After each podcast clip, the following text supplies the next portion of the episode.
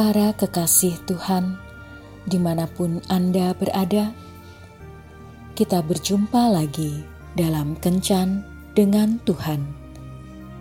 Edisi Jumat 29 Mei 2020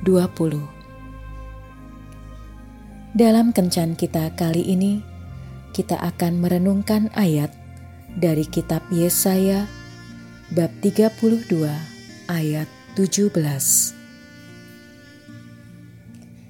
Di mana ada kebenaran, di situ akan tumbuh damai sejahtera. Dan akibat kebenaran ialah ketenangan dan ketentraman untuk selama-lamanya.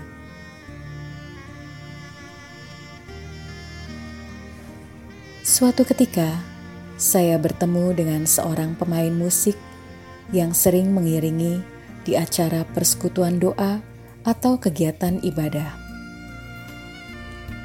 Ia bercerita bahwa dulu ia seorang yang jauh dari Tuhan dan terjerat narkoba. Ia merasa heran karena ketika ia hidup jauh dari Tuhan, ia diberkati dengan berkat jasmani yang melimpah. Akan tetapi, pada satu waktu semua hartanya habis. Saat itulah awal dari pertobatannya, dan ia pada akhirnya mengalami hidup baru dalam Tuhan. Ia mulai aktif melayani Tuhan dengan permainan musiknya. Ia mengatakan Sejak melayani Tuhan, hidupnya pas-pasan saja. Tetapi apa yang ia butuhkan selalu terpenuhi. Inilah yang membuatnya menjadi sukacita. Ia selalu berdoa agar Tuhan memberikan berkat melimpah. Tetapi ternyata Tuhan hanya memberikan berkat yang cukup namun selalu ada saat dibutuhkan. Melihat hal itu, ia mengubah doanya. Tuhan Yesus, kalau hidupku berkelimpahan berkat, tapi jika pada akhirnya membawa aku jauh darimu seperti dulu, biarkanlah aku hidup seperti ini saja, walau pas-pasan tapi hatiku penuh sukacita untuk setia melayanimu.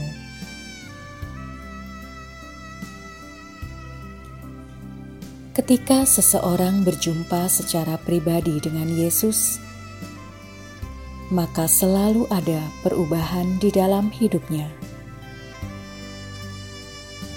Kehadiran Yesus mampu mengubah segala sesuatu yang negatif dalam diri kita menjadi positif. Banyak orang yang sudah lama mengenal Yesus, tetapi hidup mereka tidak pernah berubah. Hal ini menunjukkan bahwa mereka belum sepenuhnya membiarkan Yesus menguasai hatinya. Jika saat ini hidup kita mau diubahkan oleh Yesus, buka hati kita dan terimalah Ia menjadi Tuhan dan Juru Selamat di dalam hidup kita secara utuh. Biarkan Dia yang menguasai dan mengatur hidup kita, maka hidup kita akan berbuah dan menjadi berkat bagi banyak orang. Tuhan Yesus memberkati.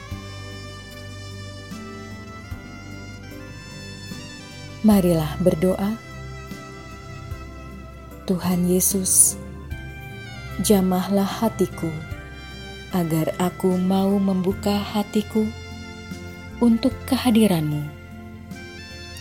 Sehingga ada sesuatu yang baru terjadi dalam hidupku.